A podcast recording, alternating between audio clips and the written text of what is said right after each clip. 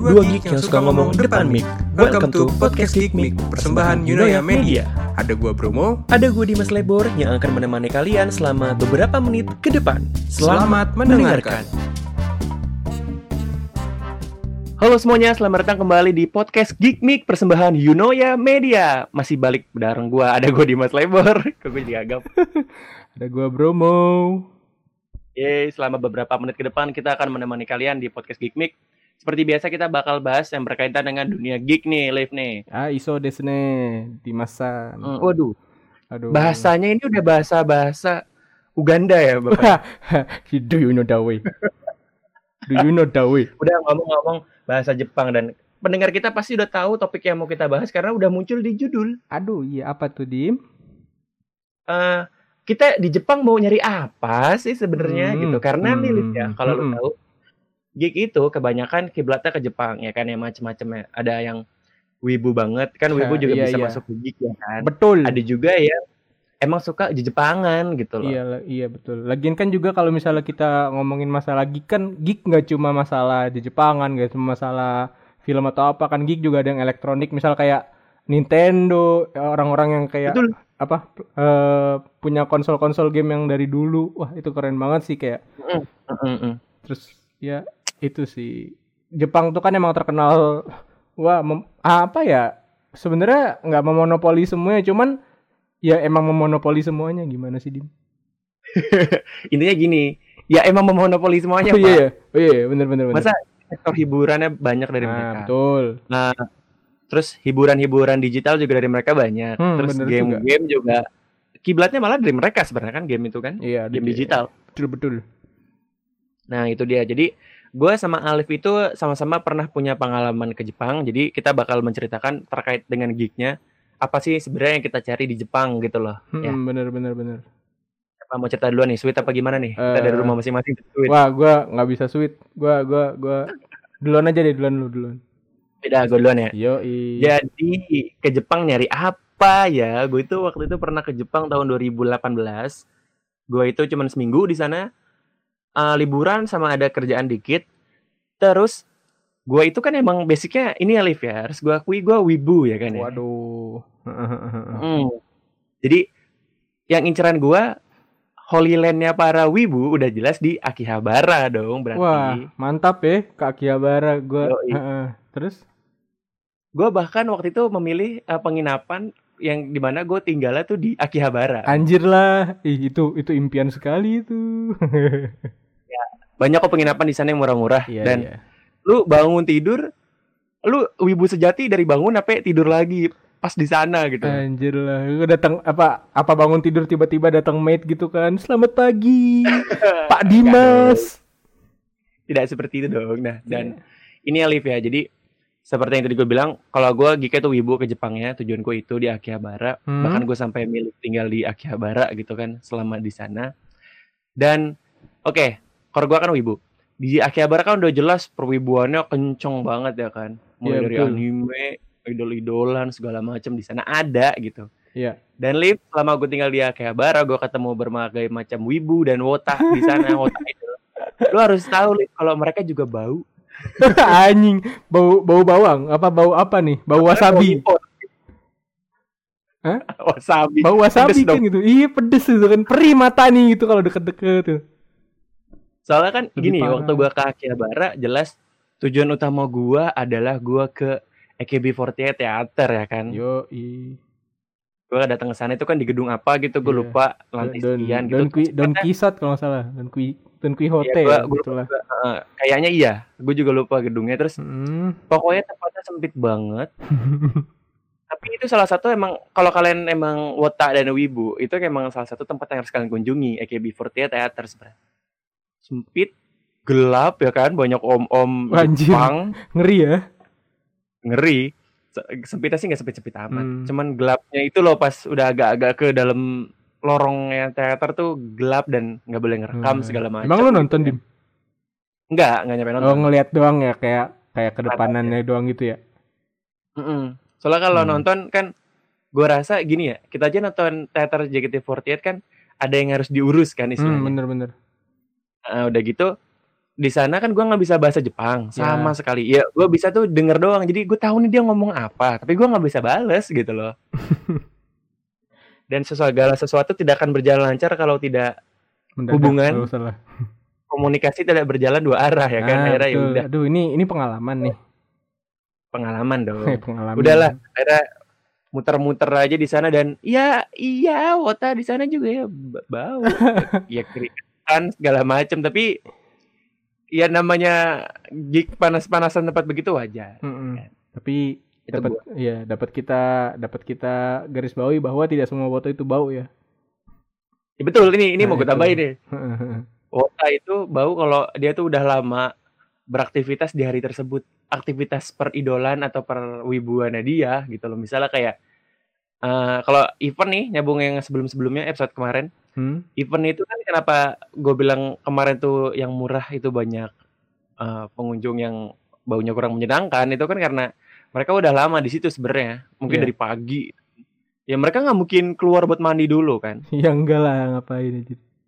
makanya jadi ya sama tapi kan ada yang ngerti self care ada yang enggak ada yang bawa minyak wangi segala macam jadi Ya, semua orang juga kalau beraktivitas lama pasti bau pak betul bukan foto saja ya, bukan wibu saja. Tapi Aduh. di Akihabara nih selama gue di Jepang itu eh, jiwa geek dan wibu gue tuh meningkat kuat karena Anjay. kan gue gue kan lebih ke selain wibu ya gue lebih ke selain anime maksudnya gue Hmm. lebih ke eh, toys ya kan Toys. Oh parah sih Eh, itu. jadi parah banget di Akihabara tuh gimana ya malah penginapan gue deket ini lagi tokonya Tamashii Nation ya kan Tamashii Nation Abadi. Iya. jadi kayak setiap gue keluar ke jalan gue pasti melihat mainan-mainan gitu Hmm. dan itu yang membuat gue ini mak gue denger gak ya waktu gue di Jepang Hmm. gue hilaf mainannya banyak banget Terus sekarang gue tuh sekarang masih ada oh masih jadi ada. koleksi Oh iya, iya bagus Nah. bagus bagus. tapi jadi ya sekitar hampir 70% nih serius nih 70% dari budget gua ke Jepang itu larinya ke mainan Anjir lah. lepas dari makan gitu ya. lepas dari makan dan transport Hmm. itu kalau gue Hmm, lihat tapi- nanti detailnya gue tampilin dari jalan Oke. coba lu eh iya tadi mau nanya apa Yang mana dim gue lupa. bapak dah cerita dah Nah, gitu ya. Kalau Hmm. lu kan lu bilang ke Jepang itu lu ada kerjaan sama apa di tadi?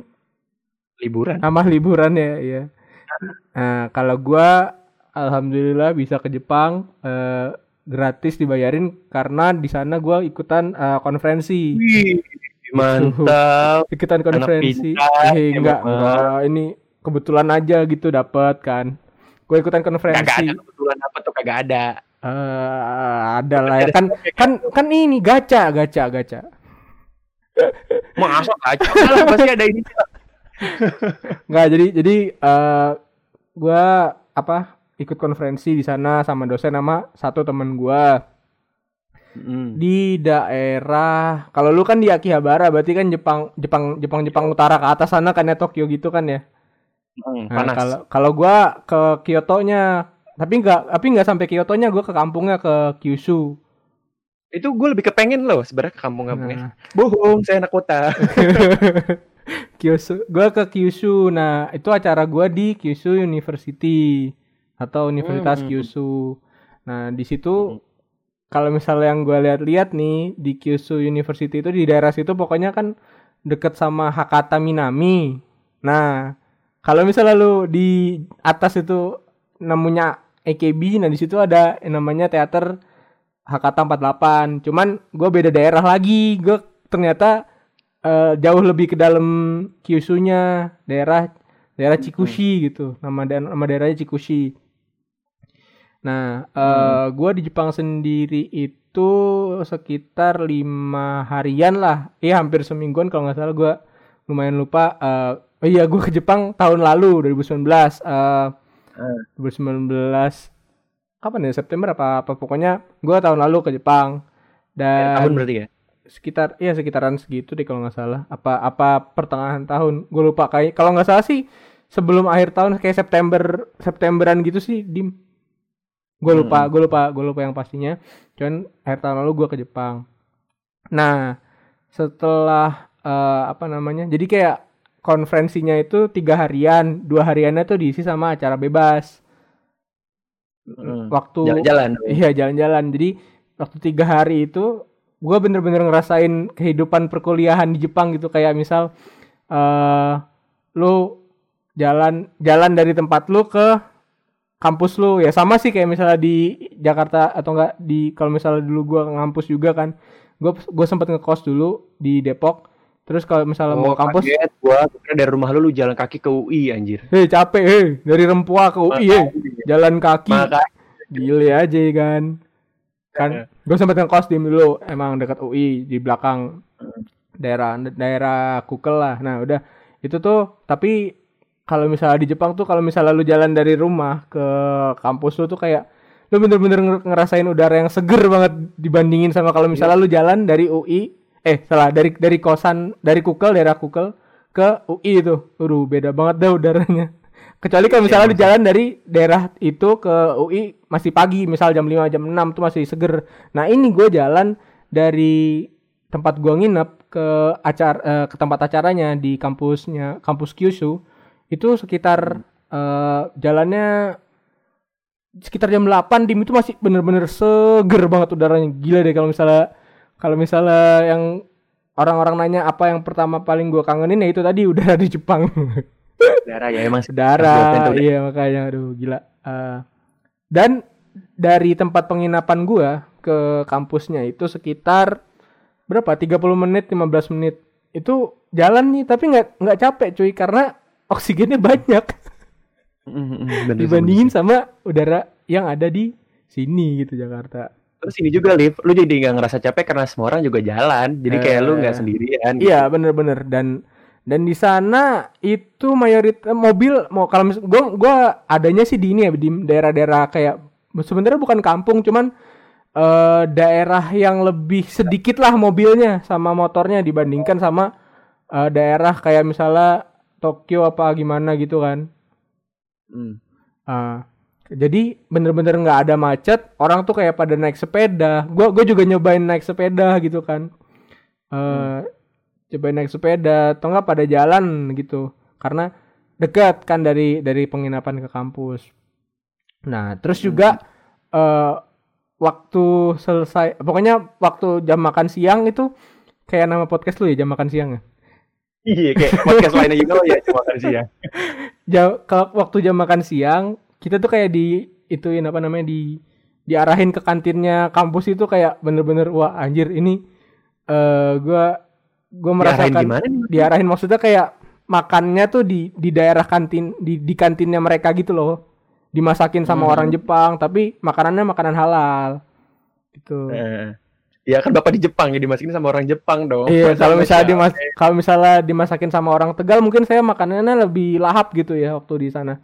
iya, ini ini orang Jepang aja udah lahap gitu. Kalau misalnya dimasakin sama orang Tegal mungkin wah lebih lahap lagi. Gitu. lebih lebih ya. Iya, Lebih semangat. lebih semangat. Heeh. Udah tuh. Nah, Nah, apa aja Liv, yang lu temuin baru hal baru yang lu temuin tuh di sana? Selain ya jalan yang udah pasti ya kayak udara, kemacetan kan nggak ada Iya, gitu kan dan ah. lain-lain. itu hal baru. Hal baru apa yang gue temuin? Kayaknya sih eh apa ya, Pak? Mungkin di Jakarta tuh adalah kalau misalnya satu dua orang yang ngelakuin ini. Cuman kalau misalnya di Jepang tuh kayak bener-bener lu ngantri yang ngantri gitu, nggak ada yang nyerobot-nyerobot apa segala. Eh, bener-bener ngantri gitu. Terus juga gue di sana selama tiga harian apa berapa harian gitu, gue gue makan cuman dari onigiri eh apa namanya convenience store aja. Sama. Family Mart, Seven Eleven, sama Lawson tuh. Wow, itu gua gua udah cobain semuanya. Terus Iya bener sama Pak. Aduh. terus gue juga nyobain yang namanya natto. oh gua nato emang gak mau nyobain. Gua baunya udah gak kuat. Eh, Dim enak loh Dim, cobain lah. Mau gua gua tuh gak suka makanan tekstur kayak gitu. Hmm. Udah gitu gue tuh udah sempet nyobain lift jadi gua kayak ke pasar Eh. gitu kan Mhm. ada yang nawarin gitu kan terus Iya. ada testernya gitu gue gue baru nyium emang gue belum nyobain ya mungkin emang enak ya Ya. itu emang kan makanan gitu Ya. gue baru nyium terus kayak wah ini ini bukan tipe makanan gue gitu nggak terima kasih. Eh, sebenarnya kalau misalnya dibilang natto itu baunya tidak menyedapkan, iya emang bener. Cuman begitu lu makan, ya udah enak gitu loh. Kayak ini kayak tempe tapi kayak gak jadi doang gitu. Lu Iya, kasih tapi kan mas makanan kan eh kebuild dari mindset gitu loh. Kalau kayak gua misalnya gua nggak durian, Iya iya iya. iya. enak, ya udah nggak bakal gua makan gitu kan. Bener bener bener. Normal tuh. Bener bener. Iya. Meskipun kayak kayaknya makanan yang enak-enak aja gitu. Hmm. Adik. nah. Coba deh nanti kapan-kapan kalau misalnya kita ketemu gue bawain NATO ya. Atau Jangan. Gratis nih. Gratis. Tempe belum jadi. ya oke, tempe belum jadi ya. Gitu. Tapi Iya. Liv, soal makanan Hmm? itu juga yang gue rasain di Jepang banget ya kan. Di Jepang kan gue sendirian kan. Lu masih mending ya ada, ada temen ya. Gue gua, gua sama dosen sama temen gue satu. Hmm, gue sendirian. Jadi enaknya tapi kalau sendirian lu mau makan apa ya suka-suka lu. Cuman Betul. gue nyari juga makanan halal ya kan. Hmm. Nyari makanan halal di dekat Akihabara itu lumayan gampang karena ada semacam restoran Kebab. halal yang punya tuh orang. Enggak, Oh, kebab juga gue makan. Juga. Apa ini? Apa lu ke ayam ya? Bukan ya? Ah, ayamnya, ayamnya iya. Ayamnya kan? Tapi kayak namanya aya- namanya bukan ayamnya deh berarti. Pokoknya itu ramen halal deh yang maksudnya kayak ter- lumayan Iya, terkenal di di Iya, iya, iya, iya. Indonesia gitu. Oh, yang maskotnya tuh kayak Kamen Rider. Kayak Kamen Rider, Kamen, Kamen Rider banyak, mohon maaf. Yang mana nih? Ini kayak black lah, kayak black. Iya, Tapi iya, iya, iya, iya, iya. Ayamnya, bener. Hmm. Ayamnya tuh ada jauh dari Akihabara gitu kan dan Ya. ya lumayan tricky nyari makanan di Jepang. Bener. Soalnya kan pertama harganya tuh lumayan mahal sebenarnya makanan di Jepang. Jadi eh sebenarnya normal di sana ya, kayak Hmm. sekitaran ada yang hampir seribu yen tuh kayak hampir seratus ribu gitu kan, eh seratus ribu lebih gitu. Ya. Itu adalah normal di Jepang tapi tidak normal di Indonesia sebenarnya lima puluh ribu aja Iya, iya. bagi sebagian orang mahal ya Eh, kan. bener-bener. Itu tuh bikin gue mikir-mikir kayak ini gue beli apa enggak ya? Ini gue beli apa enggak Iya. gitu. Akhirnya kembali lagi ke kombini kita. kita Kombini, beli bener. Bener, bener, bener. Makanan kombini itu terdabes atau enggak? Kalau misalnya lu bisa menemukan eh apa namanya vending machine yang berserakan di jalan itu yang ada makanannya silakan deh itu makan dari situ asalkan lu ngerti cara bacanya maksudnya kayak mana yang bisa dimakan atau yang halal sama yang haram gitu kan Iya betul betul. nah itu Vending di- machine itu itu. Beli makanan. Oh iya, gue juga minuman sih di sana vending machine.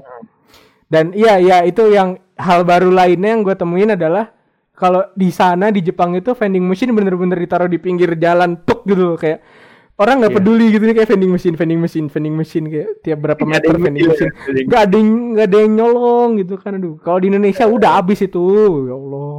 Vending machine vending machine apa diangkat. wah. Iya iya iya iya nih gue punya pengalaman apa yang, tuh yang agak, agak bodoh juga sebenarnya. Jadi pas gue mau pulang ya kan di bandara, hmm.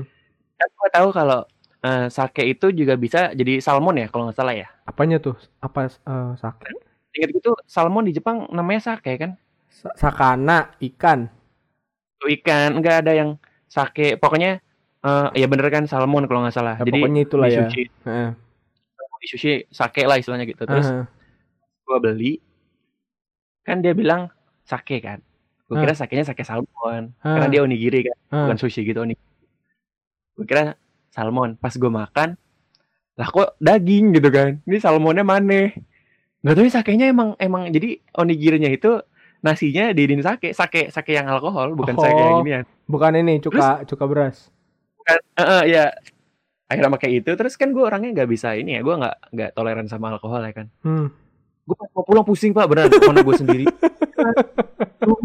Gue gue mabuk pas mau pulang gitu. Astagfirullahaladzim. Terus pas gue nanya lagi sama abangnya abang-abang Nihongo itu bang ini katanya salmon. Kan gue bilangnya sake sake Iya. gitu kan. Ya iya sake gitu. Dia nunjukin sake yang minuman terus mati gue langsung mati gue. Doyong gue doyong ya kan. Gue nunggu pesawat teler aja gue goleran di di ubin gue anjir lah itu pengalaman Eh, tapi dim ngomong-ngomong Akihabara iya dim ya Mm. gue tuh punya Hmm. mimpi besar dim kan lu tahu ya kalau misalnya di Akihabara itu kan banyak maid cafe lah abis itu kayak cosplay cafe apa segala gitu kan betul Nah, gue punya mimpi besar gue. Mungkin apa ya ini agak konyol, cuman gue pengen hal ini kejadian gitu. Kalau misalnya gue pengen buka maid cafe, tapi konsepnya restoran Padang. waduh. Bayangin, orang nih cewek-cewek cantik nih kan datang set, ceh. apa eh, pokoknya bahasa Jepang lah mau pesan apa gitu master apa segala. Oh oh enggak. Bukan bukan kayak gitu dim. Eh, itu cewek-cewek datang tiba-tiba bawa piring yang banyak gitu kan plak gitu. Oh udah habis itu pengen gue gitu. Kan kalau misalnya lu tahu dim eh, ada ada apa pameran dulu dulu kapan ya? Pokoknya di tahun-tahun yang lalu pernah ada orang Jepang dia eh, apa namanya bikin kayak instalasi gitu instalasi seni tapi angkringan. Kalau lu tahu ya. Dia dia lama dia lama di Jogja. Gua gua lupa deh namanya siapa. Pokoknya dia bikin eh, instalasi seni gitu. Eh modelnya angkringan di Jogja gitu bener-bener kayak orang jualan ronde orang jualan mie apa mie mie rebus bener-bener. Lu kalau misalnya kalau misalnya penasaran coba cari aja angkringan Jepang apa gimana gitu gua gua lupa namanya. Habis ini. Habis Menarik ini- juga tuh kayaknya tuh. habis ini cari ya. Terus ya sih itu tadi gua gua gua punya mimpi yang lumayan bodoh atau ya kita nggak bisa kita nggak bisa kita nggak tahu ya bakal terwujud apa enggak cuman itu tadi gue pengen bikin kayak restoran Padang eh, maid cafe di Jepang gitu.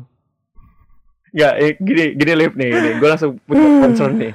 apa Jadi kan waktu di cafe itu waktu di Med Cafe kayak gue pernah ke sana. ya eh, dari konsep yang gue lihat eh, si maid itu kan menemani orang yang makan ya kan ya. Hmm, hmm. Kadang ada gemus kayak disuapin gitu. Iya. Kan kalau makan padang pakai tangan ya pak ya. Eh, enggak ini Harusnya ini disuapin sama ibu lu zaman kecil dong berarti pakai tangan gitu enggak ini maid maidnya cuman kayak ngasih apa ngasih piring Betul. banyak gitu kan blak habis itu diliatin gitu silakan makan sendiri gitu. Sa- sambil diliatin sama sama maidnya kayak eh sampai ada ngangkat gitu uni uni uni anjir lah Tapi Liv ngomong-ngomong, tadi lu bilang kan Akihabara, Maid Cafe segala macam. Waktu gue di Akihabara itu, kayaknya ya si maid-maid yang ada di sana kan selalu memberikan eh, brosur iya segala iya macam. benar benar Nah, terus eh, brosur-brosur itu biasanya dia tuh nggak berani, eh, mereka itu nggak berani ngasih ke turis. Beraninya kalau orang Jepang doang. oh gitu Atau setidaknya itu sepengalaman gue ya. Jadi gue ketemu turis lain juga, kita berdua lewat nih, Hmm. kagak dikasih, kagak di oh skip. Jepang Ya. dikasih. Yang gue Ya. rasa sih karena ini, mereka tuh sebenarnya agak takut juga kali sama turis ya kan, nggak tahu apanya segala macam. nah kalau kayak gitu kita iya apa? kita kita ini dim kita kita harus meng apa namanya me- menggunakan eh, sumber daya manusia dari negara kita sendiri Indonesia Hmm. kita kita hire kita hire apa kita hire mate tuh orang-orang Indonesia yang lagi yang lagi apa belajar di sana lah atau lagi eh, emang tinggal di sana atau gimana gitu terus kayak Hmm. eh bener-bener eh, tapi tapi tapi jadi kurang menarik ya nanti kita nanti kita cari cara bagaimana ya Nanti kita cari program pertukaran maid antara Indonesia dan Jepang. Supaya terlatih menjadi maid yang profesional selayaknya Wah. maid-maid Jepang gitu. betul betul nah iya gua tadi eh gue balik lagi gue balik lagi gue balik lagi ke cerita gua ya waktu di Jepang. Nah Hmm. eh waktu acara bebas itu dua harian kalau nggak salah dua hari. Eh seharinya itu kita diajakin ke eh, ini pak apa namanya pembangkit listrik tenaga geotermal di Jepang. Gue lupa dari nama tempatnya apa cuman dia udah ada dari tahun 1940-an kalau nggak salah. Itu udah lama banget. Hmm. kayak Indonesia tahun segitu em, belum merdeka. Merdeka iya makanya belum merdeka kan masih masih masih mencoba terus menerus untuk melakukan perjuangan. Tahun 1940 Jepang udah punya eh, geotermal sendiri bayangin. Ya, tahun segitu aja sebelumnya mereka udah ngejajah kita, Pak. Eh, Ini sama Indo. Indonesia bukan 48 ya? Indonesia 48 tuh bener-bener iniannya, bener-bener oh bener-bener kan. 8 tahun ya? Oh eh, bukan maksudnya eh, eh, Jepang Jepang masuk ke kita. Iya bener bener. Bener tahun 40-an Ya 40-an sekitar gitu Iya, kan gua. bener. Ya, sebelum itu mereka ya udah merdeka lah. Mereka iya mereka iya, udah gitu. ngejajah tempat lain ya udah ngejajah tempat lain ya ya Asia Tenggara yang lain udah dijajah sama mereka bukan kita doang. ya benar-benar. Terus juga setelah Hmm. dari situ, Dim, gua ke tempat yang namanya Aso Farmland. Itu Aso? iya A- A- Aso Farmland. Eh itu kayak tempat apa ya bisa dibilang cimorinya cimorinya Jepang sih nggak nggak Cimory Oh, juga. iya iya iya. Pokoknya di tempatnya Iya, paham. besar banget itu.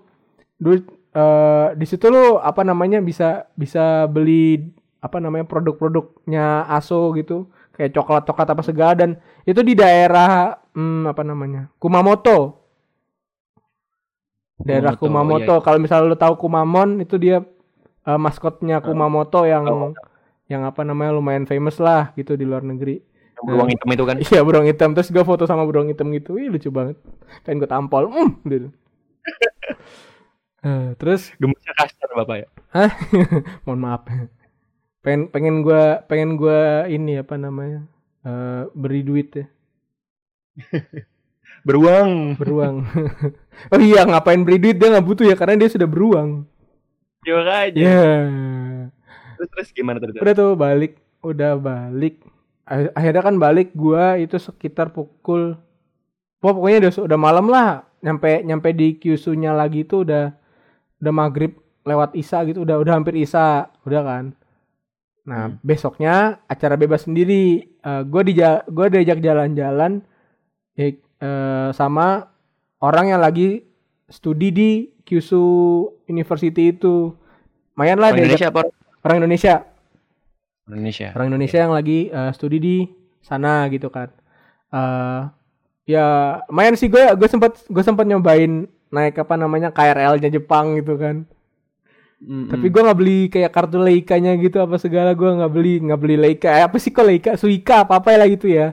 Gue nggak beli. Kan, pas segala macam. ya itu JR Pass soalnya gue kurang ngerti kan maksudnya kan di Jepang kan juga jenis kereta kan banyak ya. Ada yang JR ada yang eh, apa namanya Shinkansen apa segala itu gue nggak tahu cuman gue nyobain Lagi nih lift berarti lift. Jadi kalau kalian belum tahu di Indonesia kan mungkin eh, perusahaan kereta api cuma satu ya, ah PT bener KAI bener ya. ah bener Nah kalau Jepang tuh ada banyak. Jadi ada yang punya pemerintah, ah, ada yang swasta, dan mereka tuh jalurnya tuh macam-macam. Iya, Jadi bener. emang ya pasti tiketnya beda gitu.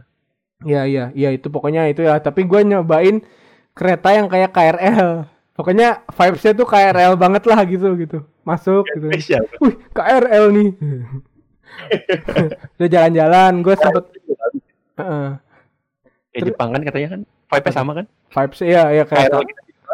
tapi KRL KRL iya sih bener bener bener. Vibes vibes kita kan eh kereta kita kan hibah dari Jepang ya.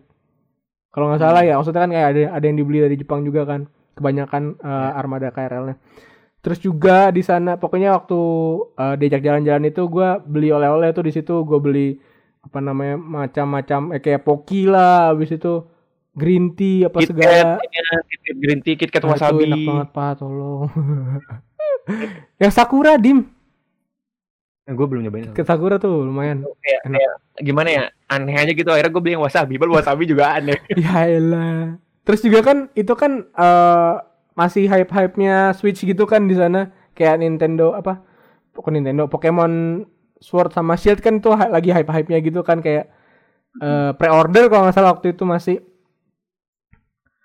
tahun lalu berarti Hmm. kan tuh kan Eh, apa Iya. namanya lagi pre-order kayak oh ya gue gue jadi pengen beli Nintendo Switch gitu di sana cuman kayak ini budget gue nggak cukup kalau misalnya gue beli itu langsung habis duit gue gitu itu juga beli yang- yang penting pulang nggak masalah sih. Di, lu belinya itu lu tahan di hari terakhir. Ini ada alasan kenapa gua tuh ke Gundam Base Tokyo itu di hari terakhir. oh gitu Ya karena abis itu tinggal pulang. Udah lu kagak mikirin apa-apa lagi. gitu. iya iya iya iya nah apa selain itu gue juga nyobain Aeon Mall di sana Oh, gua gak sempet ke Ion. Soalnya di Ion di sana kayak mall biasa. iya bener kayak kalau misalnya kita tahu tuh kayak ITC Fatmawati ITC mana Cem Cempaka Mas Permata Hijau ya kayak kayak kayak gitu kayak mall kecil terus ada apa ya Carrefour sih Carrefour kayak Transmart kecil gitulah Mm-mm. nah gua gua sama temen gue naik sepeda tuh malam-malam ke Aeon situ buat nyari makanan Ini kan dari tadi kita bahas yang apa sih istilahnya bagus-bagusnya mulu ya. Tapi lu Ya. nemu gak yang jelek-jelek? Soalnya gue nemu beberapa. apa tuh lu dulu dah Gue dulu dah ya nih. iya Eh, Jepang itu terkenal sebagai terutama Tokyo ya, hmm, terkenal sebagai kota yang bersih ya kan ya. betul Memang harus gue akui bersih dan eh, sekotor-kotornya Jepang itu lebih bersih dibanding Jakarta meskipun ya kotor-kotor juga gitu tapi Bener-bener. sekotor-kotornya Jepang lebih bersih pada kota Jakarta. Nah, yang gue temukan Hmm. adalah ternyata tidak seperti yang ya diglorifikasikan oleh kebanyakan orang-orang yang penggemar Jepang gitu. Meskipun ya ada bagusnya, tapi Hmm. dikit kayak contohnya gini, sampah gue tetap menemukan beberapa tempat yang sampahnya berserakan juga, Pak. Hmm, gitu. Mm, malahan eh, ada kan lu tau nggak kayak celah antara bangunan gitu, dua bangunan yang ada Ah. gang kecil gitu. Iya. Banyak sampah, jadi kayak ada yang buang sampah di sana kayak kayak, kayak kita kan sebenarnya ada juga yang kayak gitu gitu di Ya, tapi kan iya iya bener bener bener. Terus apa lagi, Pak? Mas gue tuh nggak nggak se yang kita kira gitu. Terus Hmm. masalah inian taat di jalan. Emang taat dalam artian banyak lebih banyak yang taatnya. Jadi Hmm. ini bukan berarti gua menjelek-jelekan ya, cuman ada namanya manusia tuh ada gitu. Lu di negara mana pun lu tinggal ada yang kayak gitu. Nah, Hmm. kayak nerobos lampu merah ada gue pernah ngeliat di Tokyo. Bener-bener lagi masih merah. Bablas aja gitu segala macem. Iya iya. Tapi paling pasti sih mereka nggak ada yang nerobos, eh nggak ada yang berhenti di zebra cross tuh nggak ada. Iya bener selalu berhenti di belakang tapi parah sih gua gua pernah ngeliat sendiri eh, waktu mereka ada nih mobil kenceng banget nih kan udah mau udah mau merah kan Iya iya emang dia nggak ngebablas sih cuman ngeremnya mendadak mata mucut gitu. Ini ngeri ya, serem ya. Orang-orang kan udah pada, udah pada nyebrang kan. Enggak orang-orang mah ngeliat biasa aja gitu gua aja yang kayak "Mm, mm, mm." Oh ternyata bisa remnya masih bagus gitu kan nggak kebablasan alhamdulillah kan Iya, ternyata ya berfungsi. Ah, alhamdulillah terus Terus masalah homeless nih, homeless nih yang gua gua Oh. ngalamin langsung kenapa tuh pak homeless pak homeless. Tokyo tuh banyak banget sebenarnya, hmm. banyak banget. Hmm. Apalagi kalau malam. Jadi gue bingung, mereka siang ke mana gitu? Mereka siang tuh ngumpet di mana gitu? Pas malaman sekitar kan Tokyo tuh aneh ya. Kalau aneh dalam artian gini, terutama Akihabara.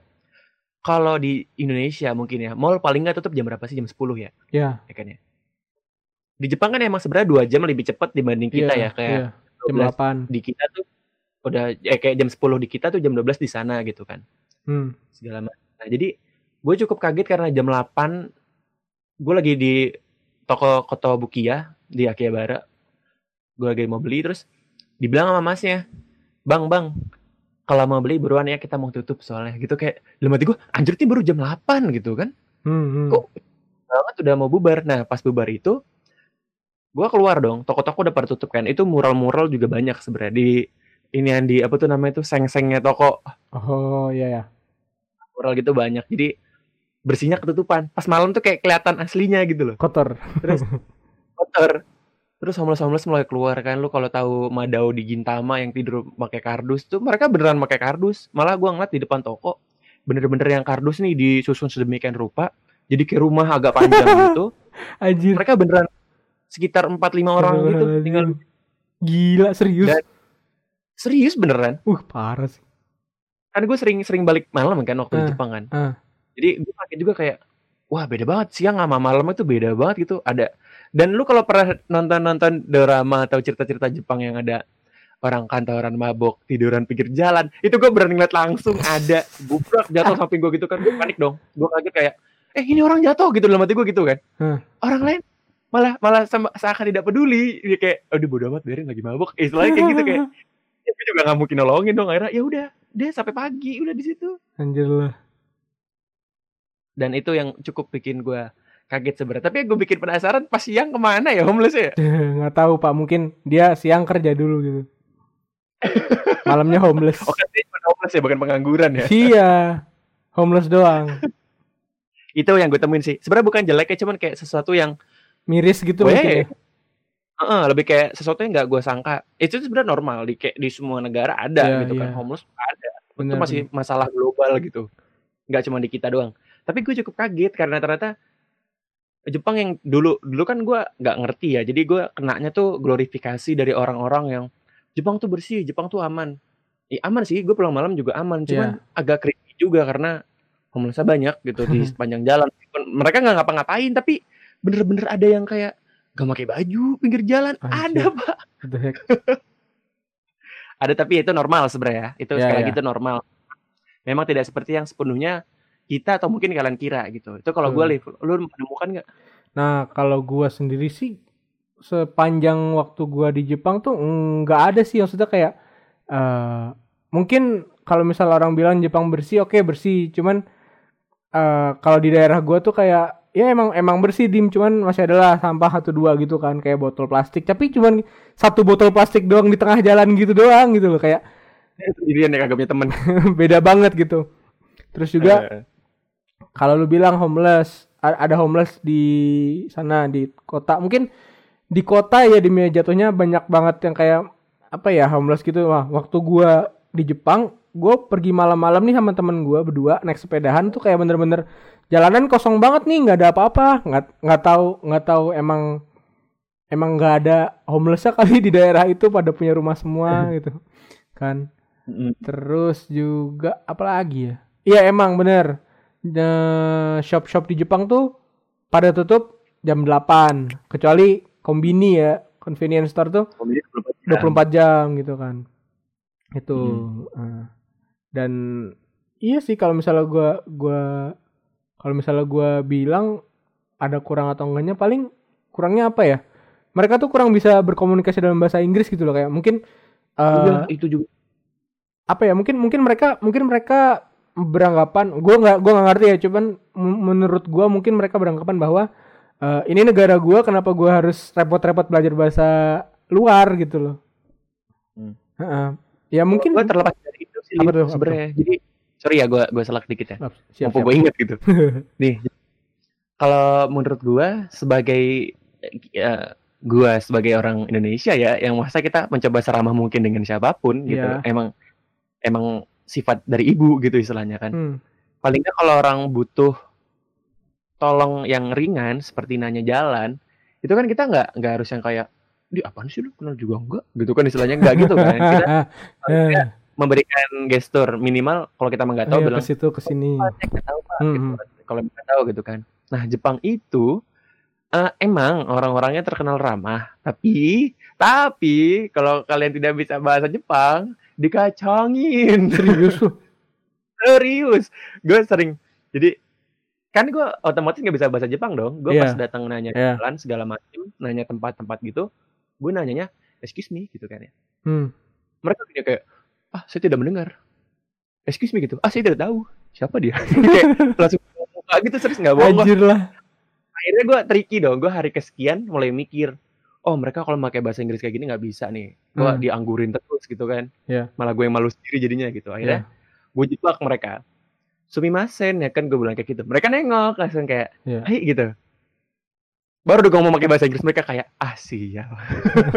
Tapi kan emang apa ya maksudnya kayak ya mungkin bisa kan lu pakai Jepang-Jepang sedikit sama apa namanya eh bahasa tubuh lah apa segala.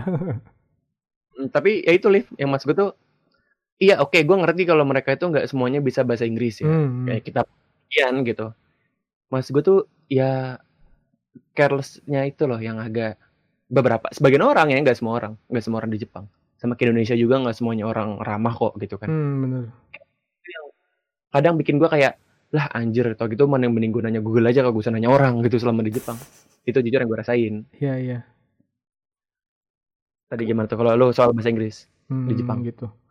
Iya.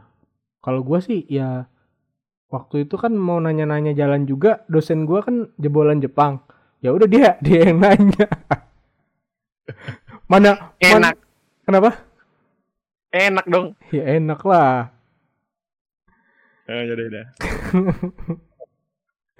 Terus apa ya? Ya itu tadi kan eh, gua sama temen gua ke Eon, Mall Eon yang cuman ya udah gitu doang gitu kan. Kayak Transmart di sini gitu. Cuman eh gua waktu di Jepang itu keranjingannya main gacha, Pak. oh ya gue juga sama Main parah banget. parah banget ya dulu liv udah cerita dah gacha. Kan jadi gini kan, eh temen gua ini orangnya nggak nggak nggak wibu, nggak wota apa segala, cuman dia dia eh, begitu nyampe Jepang dia ngomong kan, eh ntar gua mau nyobain gacha ah gimana gimana. judi ya ternyata ya Kenapa? emang suka judi ternyata Waduh, nggak gitu pak. Sukanya bertaruh. sama Pak. Iya iya. Terus kan udah kan tuh kan kita jalan nih pertama tuh yang ke Eon Mall itu awalnya. Terus kan kayak eh, lift lift itu ada mesin gacha lift cobain yuk cobain yuk. Oke lah kita cobain kan. Kan di sana kan ada yang kayak mesin buat tuker koin apa segala gitu eh sendiri kan ya self service ya. Beda sama itu pokoknya di ini deh gesen gesennya mereka deh game centernya mereka. Hmm. Ya, dia kayak di arcade gitu kan. Ada tuh berjejer kan mesin gacha. Lift ayo lift cobain lift. Oke. Eh, masukin duit. Awalnya seribu yen doang kan. Balik-balik dari situ gua ngabisin 3000 yen. Bayangin. Tapi tapi eh, gacanya sendiri yang maksudnya kayak yang gua dapetin itu ya gua bagi-bagiin juga sih maksudnya kayak buat emang buat oleh-oleh juga gitu. Ini sebagai gambaran ini gashapon ya maksudnya ya. Hmm. Kapsul Iya, gashapon, gashapon. Eh, ya. pendengar ada yang tahu kayak ini gacha apa yang digacha gitu kan. Iya, jadi ini iya. kapsul itu yang dalam mesin gashapon jadi dapatnya tuh acak gitu Hmm, biasanya. Dapatnya kapsul, ah, maksudnya kayak telur, telur-telur isinya mainan gitu kan. Kalau misalnya kalian tahu lah ya, pasti tahu lah. Eh, terus juga Kalau gue bukan gashapon, apa tuh? keren game gua. Wah, iya, iya, eh, kayak di channel YouTube lo di ada ada bisa main keren game online deh. Iya, itu tapi beda cerita itu ya, Pak ya. Oh, beda cerita ya. Udah nanti mungkin bisa ceritakan lain kali lah ya. Bahas tuh apa-apa kan gini ya kita kan sekarang bakal new normal kan terus ada keren game yang bisa dimainin dari online Ah. itu kan kayak salah satu gambaran new normal kan Ah, nanti kita iya. bisa Boleh lah. new normalnya para geek nah keren game di Jepang ya Liv ya kan gue ke Sega Game Center ya kan Ah, ah. ada keren game yang gue incer banget keren game itu figurnya Godzilla gitu lumayan gede Oh. ya udah gue mainin kan terus terus kagak dapet dapet kan sampai lima ribu yen kagak dapet dapet Anjir. Abis itu gue langsung mikir ini bisa gue beli langsung dengan lima ribu yen Sialan. Aduh. ya itu. Ya. gimana Liv ada lagi yang lain nggak? Itu sih paling ke keranjingan gasha eh, gashapon gitu kan. Sampai sampai sampai gua di bandara pun ngelihat mesin gasha nih. Mesin gacha. Wih main nih main. Ah pegangin gua pegangin mau main jangan tahan gua jangan tahan gua. Dan apa? Apa tuh apa tuh? Yaudah yaudah. Kelarin dulu. Oke kalian dulu. Dan iya waktu di Eon Mall itu juga gue akhirnya beli eh, Shonen Jump dong. Ma- majalah majalah majalah apa? Majalah eh, komik. Jepang ha. Terus kayak gue ngeliat ini dibandingin sama majalah komik di Indonesia bagusan majalah komik di Indonesia maksudnya pantesan aja harga majalah komik di Indonesia itu mahal karena dari kertas sampai eh, apa nama dari, dari bahan kertas sampai pencetakannya pun pencetakannya pun mahal gitu loh. Kalau misalnya Shonen Jump, kalau lu tahu dim Shonen Jump tuh kalau misalnya lu beli nih, Shonen Jump tuh berapa sih harganya tiga tiga ribu yen apa berapa gitu gue lupa dah. Setelah lu baca, lu kelar, itu Shonen Jump bisa lu buang. Iya ada ada ininya kan ada daur ulangnya juga. Iya di kayak ditaruh kadang-kadang anak-anak ini nih anak-anak SMA gitu kan baca-baca Shonen Jump udah kelar dia taruh di atas ini. Kalau misalnya naik kereta tuh dia taruh di tempat yang buat naruh barang. Taruh aja di situ kayak nggak ada yang ngambil juga gitu kayak harus emang emang dibuang anjir gila. Ma- Ya, emang harus didaur ulang lagi sebenarnya dan daur ulang Jepang tuh emang salah satu yang ketat banget sebenarnya. Hmm.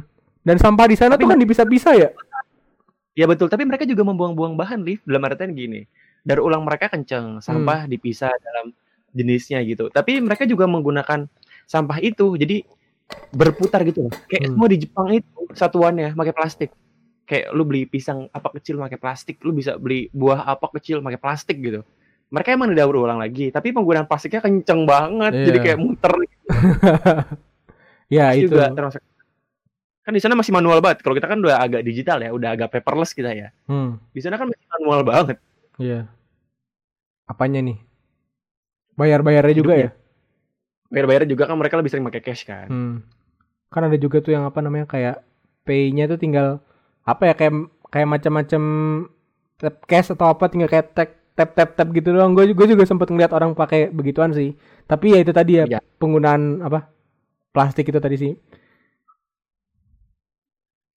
Gimana Liv lu ada tips nggak nih buat pendengar kita yang mungkin mau ke Jepang Yang mungkin mau ke Jepang. Oke tips ya yang pernah sebagai orang pernah ke Jepang.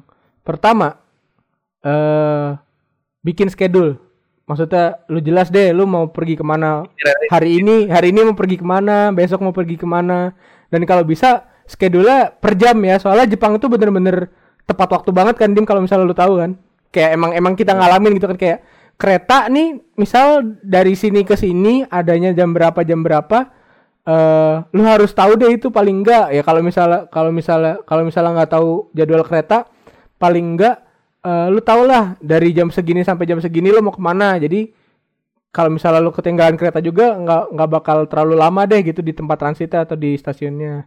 Terus Hmm. juga eh ini apa namanya pelajarin lah bahasa Jepang sedikit-sedikit. Maksudnya kayak tadi emang orang Jepang tuh nggak semuanya kalau ditanyain nggak bisa bahasa Inggris ya. Maksudnya kayak mungkin ada beberapa bahasa beberapa orang yang ditanyain bahasa Inggrisnya terbata-bata cuman mereka bantuin. Cuman paling enggak ya kita sebagai pendatang gitu eh, kalau bisa eh kuasailah eh, bahasa sedikit-sedikit gitu.